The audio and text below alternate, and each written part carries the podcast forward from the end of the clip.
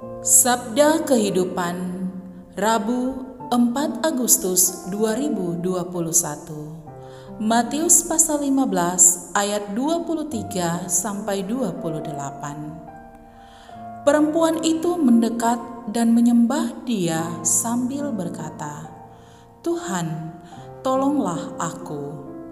Tetapi Yesus menjawab tidak patut mengambil roti yang disediakan bagi anak-anak dan melemparkannya kepada anjing.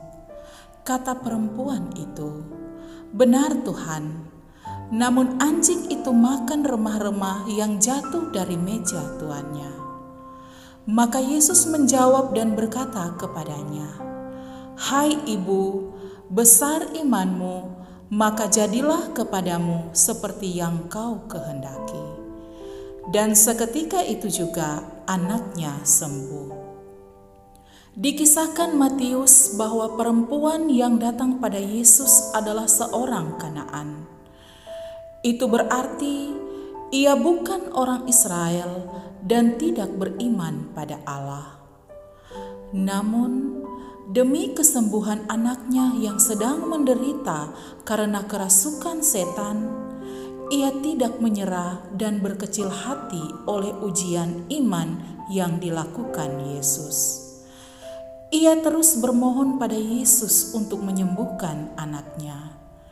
Yesus kagum atas kegigihan wanita Kanaan ini, terlebih cintanya yang begitu besar untuk anaknya.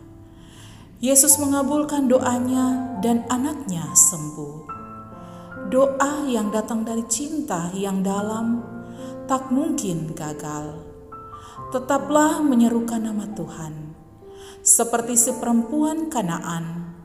Mari terus berdoa dan berseru, "Tuhan, tolonglah aku, tolonglah kami, tolonglah mereka yang sakit dan terpapar virus corona. Kuatkan iman dan imun kami agar sembuh dan pulih kembali. Demi Yesus Tuhan kami, amin." Mari terus saling mendoakan Tuhan Yesus sungguh peduli. Pastor Revi Tanut PR